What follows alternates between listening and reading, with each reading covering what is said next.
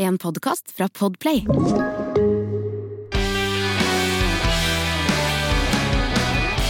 Ohoi, ratata, og velkommen til deg som har funnet fram til denne podkasten. Dette er Helsemegene tar tempen. En podkast til å le og gråte av. Ja, I dag så skal det jo handle om noe som i utgangspunktet er blytungt, Helene. Men du insisterte på å snakke om New Public Management. Hva er det? Eh, Det er New Public Management, kort forklart, er et system som viser hvordan eh, myndighetene ikke har noen tillit til den utdannelsen eh, fagfolkene i Norge har. En autorisasjon og et fagbrev betyr ikke en dritt. New Public Management, altså en ny måte å styre offentlig sektor på. Det handler om at de ansatte skal dokumentere veldig mye av det de gjør. De skal måles på veldig mye av det de gjør. Det er økonomi som styrer. Det er mål- og resultatstyringen er en del av New Public Management. Dette ble altså solgt inn for et par tiår siden. Du som har jobba i helsetjenestene, hvordan merker du ny Public Management der? Dokumentkravet er jo helt eh, latterlig. Og, det er jo, og, og dette lever vi etter, for vi har ikke noe valg. Men det er jo sånn at det som ikke har blitt dokumentert, det har aldri skjedd. Jaha. Og det er viktigere å bruke tid på å dokumentere enn å faktisk gjøre eh, noe for pasienten eller med pasienten. Så tid til dokumentasjon tar veldig mye fra pasientene. Og mye av det vi dokumenterer, er ikke viktig å dokumentere engang. Jeg husker en undersøkelse som ble gjort på sykehusene for et par år siden, som viste at en gjennomsnittlig sykehuslege God kaffe, eller? en gjennomsnittlig. Dokumenterer du? Podkastdokumentasjon. En gjennomsnittlig sykehuslege bruker 42% av tiden sin på pasienter. Mye av de resterende prosentene går altså til dokumentasjon og forberedelse. Men 42% til pasienten. Altså, jeg ble jo selv operert for brystkreft for noen år siden, og da fortvilte min lege og sa at før så kunne jeg operere opp mot fire, kanskje fem dager i uka. Nå opererer jeg én til to dager i uka. Resten av uka går bort til alle systemkravene. Altså dette nye public management-systemet er en stor ulv som er så sulten på tid og ressurser at det blir ganske lite tid igjen til pasientene. Og det har jo ikke noe gunstig effekt i det hele tatt, annet enn en sånn absurd vilje til å detaljstyre mennesker man egentlig burde ha tillit til. Ikke sett mennesker i en sånn stilling hvis du ikke tror at de klarer det. Men du, den dokumentasjonen som man driver med helsetjenestene, altså avvik f.eks. Hvis det skjer noe som ikke har vært helt heldig, så skal dere dokumentere det med et avvik. Ja. Hva skjer med de avvikene? Er det noen som bruker dem? Altså, I teorien så er det viktig å føre avvik hver gang de skjer, fordi at det, da får man på en måte en dokumentasjon på at ting ikke er sånn som det skal være. Men Et så- eksempel hva du kan skrive avvik på, f.eks. Du kan skrive avvik på at noen har fått feil medisiner, eller fått riktige medisiner til feil tid, eller at en dusj har blitt utsatt, eller at man kanskje har vært nødt til å jobbe overtid pga. Eh, på grunn av en alarm eller utrykning eller et dødsfall. Men det er klart at når du jobber på en kveldsvakt og skulle vært ferdig klokka 11, du veit at du skal stå opp klokka 6, eh, så er man kanskje ikke interessert å sette seg ned og finne fram i et system som er helt Det er så kronglete at man blir kvalm av å tenke på det, og da har klokka allerede blitt kvart på tolv, du vil hjem og legge deg. Og hvor går det avviket hen? Jo, det går jo i sirkel eh, til de menneskene som egentlig har bestemt at det skal være sånn som det er. Ja, men innimellom må det vel skje at de retter opp feil. Hvis de ser at det er skrevet avvik på at hvis samme pasienten har fått feil medisiner flere ganger i uka, så må det jo eh, skje noe. Ja, selvfølgelig skjer det noe. Man, da tar man jo det til eh, etterretning. Men jeg har en følelse av at de avvikene blir nok eh, Det blir mer gjort når man tar det muntlig og tar det i en rapport og sier at dette skjedde i går, eller dette har jeg observert, og dette er ikke riktig. Og så løser man det sånn, fordi da får man løst det på fem minutter istedenfor å bruke ukevis på et tullete system. Du snakker om sånn god gammeldags tillit og dialog, så det hjelper altså å snakke sammen, er det Ja, det er ikke farlig å få det inn i helsevesenet, og det samme trenger vi i skolesystemet. De lider akkurat like mye av New Public Management, og der er det lærere som bruker så mye mer tid på dokumentasjon og, og papirtøys at eh, tiden til elever den har blitt kraftig redusert. Og de sier jo selv at dette har jo ikke noen gunstig effekt. Elevene får ikke bedre skole, de får ikke bedre utdanning. Jeg har en eh, bekjent som jobber som lærer, og som har jobba som lærer i snart 30 år, og som sa at da jeg var nyutdanna og starta, så var det mulig å sette av tiden til elevene. Jeg var så motivert. Men i løpet av karrieren så har det blitt mer og mer dokumentasjonskrav, og nå føler hun seg så uglesett av all den mistroen som ligger i disse dokumentasjonskravene, at hun sa om dagen at jeg får jo bare lyst til å sabotere. Jeg som begynte så motivert. Altså den indre motivasjonen knuses av den mistilliten man hele tiden opplever å leve i, da. Ja, så blir man, man blir motløs når du går inn i et eh, avvikssystem for å føre et avvik, og så er det veldig lite rom for fritekst. Du skal fylle ut eh, setninger og huke av, ikke sant? Eh, noe som allerede er bestemt for deg. Og det eneste stedet du kan skrive noe selv, det er et felt hvor det står 'hva kunne du gjort bedre'? Ja, nettopp. Så selvkritikk, det skal dere ta. Og da, da kjenner jeg at jeg blir provosert. Da får jeg litt lyst til å si hva? Hva? Når man sitter etter en kveldsvakt og har jobba overtid, og ting har gått liksom litt sånn rett vest, og man eh, har kanskje vært litt underbemanna, og ting har kokt, man har vært for få mennesker på jobb, og så skal du føre et avvik som er et resultat av at man har vært for få ansatte, eh, og så får du den ene anledningen til å si hva kunne vært annerledes, eh, så kjenner jeg at jeg blir litt provosert, og så får jeg lyst til å skrive ja, kanskje vi skal begynne med doping, da? Helseansatt bloddoping. Ja, hvordan skal vi løse dette? Jeg Ja, har det to du... armer, to bein. Jeg har en liksom. idé. Du kan skrive 'Jeg burde ha snakka mer med sjefen om at vi får flere ansatte'. For det kunne du gjort. Du kunne pusha enda mer. Du kunne gått til media og fortalt at dere er underbemanna. Nei, vent litt, det har du gjort. det hjalp ikke det heller. Nei, det hjelper ikke. Du hører Helsemeggene, en podkast med Helene Spro og Lise Askvik, og i dag handler det om systemet fra helvete, New Public Management. Jeg har en historie fra denne mål- og resultatstyringa, Helene. En venninne av meg jobber i politiet og forteller at sjefen kommer inn en dag og sier at de har fått påpakk fra departementet, eller direktoratet, jeg husker ikke hvem det var, men de hadde fått påpakk fra myndighetene om at det nå eh, gjorde hennes avdeling det litt for dårlig på hjemmevold. De har nemlig fått utdelt en statistikk om hvor mange hjemmevoldsepisoder de skal eh, rapportere. Og da sier en av kollegene ja, er det sånn å forstå at vi skal gå hjem og banke kona for å få opp den statistikken? Altså De opplever at dette regimet lager en virkelighet, og så skal virkeligheten tilpasse statistikken, i stedet for at statistikken er et resultat av virkeligheten. Ja, men det er jo dette byråkratiske monsteret da, som vi har begynt å fòre. Dette blir jo en myndighetsutøvelse som er helt opp ned. Det er jo velkommen til bakvendtland.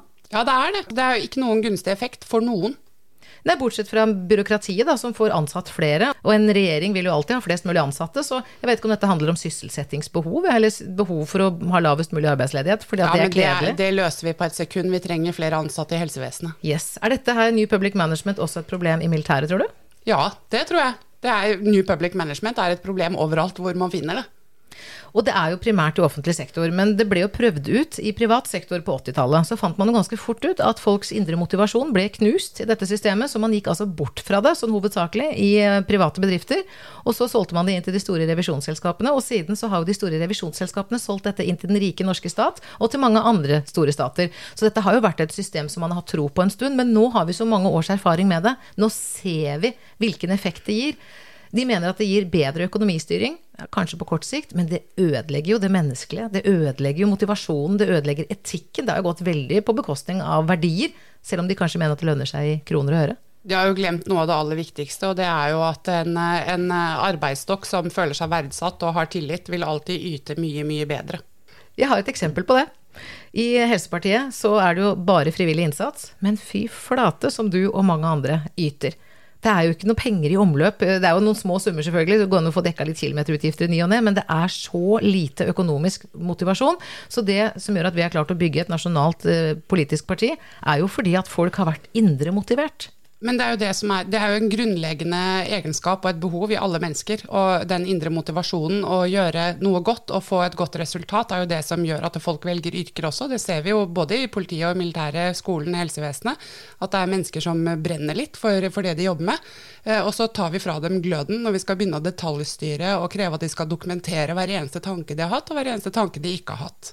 Helsetjenesteaksjonen gikk jo ut med et skriv som het Ta faget tilbake, og det handler om at New Public Management setter jo helsefaget på sida, fordi økonomien skal styre alt. New Public Management handler jo i bunn og grunn mye om at økonomi skal bestemme hva vi kan yte. Det er økonomien som bestemmer, og så, og så føler man seg eh, rett og slett litt sånn eh, dum. fordi at eh, Særlig helsevesenet, hvor man sitter med kompetanse og har meninger om hva som er lurt, hvordan man burde disponere tiden, hvor man burde sette ressursene, og så blir man ikke hørt fordi at det sitter noen et helt annet sted og bestemmer hva som skal være viktig i din yrkeshverdag. Jeg har jo jobba i mange år i Radio P4, og jeg jobba i Norsk Ukeblad, og jobba i Klem FM, som det het da vi starta opp. Nå heter det P7 Klem. Så jeg har jobba bare i det private. Du har 20 års fartstid fra det offentlige. Blir man trassig av å bli utsatt for New Public Management? Man blir så trassig at man rett og slett kan bli barnslig. Og det som er kjedelig, er at man til slutt ikke orker å forholde seg til noe mer enn det som er nødvendig. Og derfor så er det flere steder hvor det nesten ikke føres avvik, til tross for at det kan være områder hvor det absolutt er flest avvik. Jeg hører jo også folk som sier at de skriver avvik som det aldri blir noe greie på. Altså det blir ikke noen forandring på ting. Nei, hvis man skriver eh, Du kan skrive avvik på avvik på avvik på at man kanskje ikke har fått gjort alle oppgavene som man skal pga. bemanning. Det blir jo ikke noe økt bemanning av det. Nei. Jeg tror denne politikken som har vært ført de siste to tiåra, den har på en måte glemt å ta hensyn til de menneskelige aspektene, til psykologien. Det er akkurat som mennesker ikke har en psykologi. Det er akkurat som vi bare er ute etter å jobbe for å tjene penger, det er ikke noe mer i denne jobben for meg. Men i offentlig sektor er det som du sier, det er mange som er, var i hvert fall, indre motivert. Hvilket system skal man da iverksette for å få til dette her? Vi må ha tilbake det tillitsbaserte systemet, rett og slett. Og gi makta tilbake til dem som faktisk har kompetansen, fagkunnskapen, og som er i direkte kontakt med de menneskene som de faktisk jobber for og jobber med. Du, dette her med tillit og lytte til de ansatte. Vi må svinge innom konsulentbransjen her. Det hender at det offentlige leier inn konsulenter for å finne ut hvordan virkeligheten egentlig er. Hvordan har du opplevd det? Ja, det er sånn som, som jeg, gir meg indre kviser. Det, det, gnager meg skikkelig langt inn i sjela når jeg ser at eh, for eksempel, altså Et eksempel er eh, et tilfelle hvor det var en kommune som eh, opplevde at ernæringsstatusen hos eldre hjemmeboende var veldig dårlig. Så de leide inn et konsulentfirma et eller annet annet sted i Norge som skulle kartlegge det. Og i løpet av noen millioner så kom de på det geniale svaret at eldre demente mennesker kanskje glemmer å spise, og når man er ensom og føler seg alene, så er man mindre motivert til å spise. Jeg tror at selv helt ufaglærte mennesker som jobber i eldreomsorg, kunne fortalt dette helt gratis. Ja, Men da måtte jo stolt på dere? Eh, å ja, fysja meg. Og så tenker man jo at hva er løsningen? Jo, det har jo vi sagt i mange mange år, at vi ønsker å ha mer tid. Hvis vi kan bruke mer tid hjemme hos de eldre, gjøre det litt koselig, ha tid til å sette seg ned, så, så vil de jo selvfølgelig spise mer. Men eh, det kan vi jo ikke gjøre uten å, å, bruke konsulentmillioner på det også. Så da var det et annet konsulentfirma som skulle inn og kartlegge hva som kan være løsningen på å få til dette altså, man blir velkommen til bakvendtlandet igjen. Ja. Men løsningen var ikke flere ansatte eller mer tid, altså det var mer dokumentasjon. Er det konklusjonen? Ja, det er konklusjonen. Vi skal bare bli flinkere til å dokumentere hvor vi har vært, hvem vi har vært, og hvor lang tid vi har brukt, og hva de har spist og ikke spist. Og hvis vi ikke, hvis vi ikke rekker å være der når du skal spise, så er det viktigere at vi forter oss inn, sånn at vi kan skrive at ikke vi rakk å være der når de spiser. Altså. Og dokumentere også det. Ja, dokumentasjonen er viktigere. Dette systemet, man, Når man blir en del av et sånt system, så tror man jo at det er sånn det skal være. Men Helene Spro, når du blir valgt inn for Østfold til Stortinget, hvordan i all verden skal du røske tak i et storting som er enige om at ny public management er eneste vei å gå, og fortelle dem at dette er helt feilslått? De trenger å realitetsorienteres litt her, altså. De er jo nødt til å få litt kontakt med oss som sitter her nede, og som gjør disse jobbene. Det er jo vi som skal bli hørt, det er vi som skal bestemme hvordan det skal være, og det er vi som ser hva som virker. Det som eh, blir, i hvert fall blir en stor mulighet for meg, er at mediene blir nødt til å høre på meg. For jeg har jo skrevet mange kronikker og hissige innlegg hvor jeg prøver å påpeke ting både lokalt og nasjonalt, fordi at jeg blir rasende og provosert når jeg ser det. Så blir jeg jo ikke hørt, fordi at jeg er jo liksom bare hun der ene megga fra Østfold.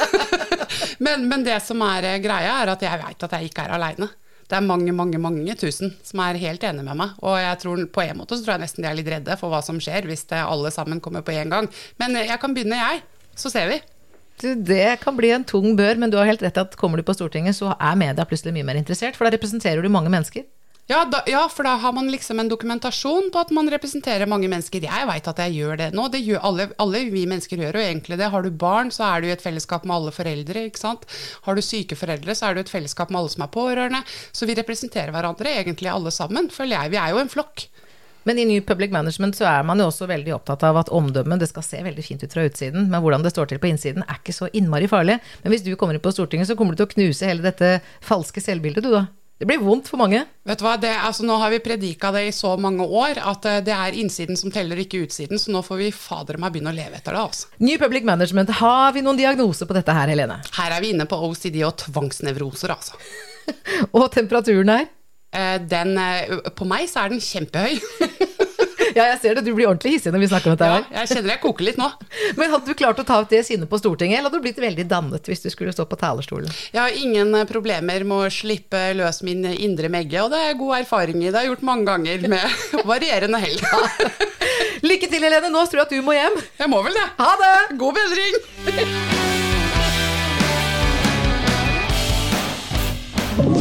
Du har hørt en podkast fra Podplay. En enklere måte å høre podkast på. Last ned appen Podplay, eller se podplay.no.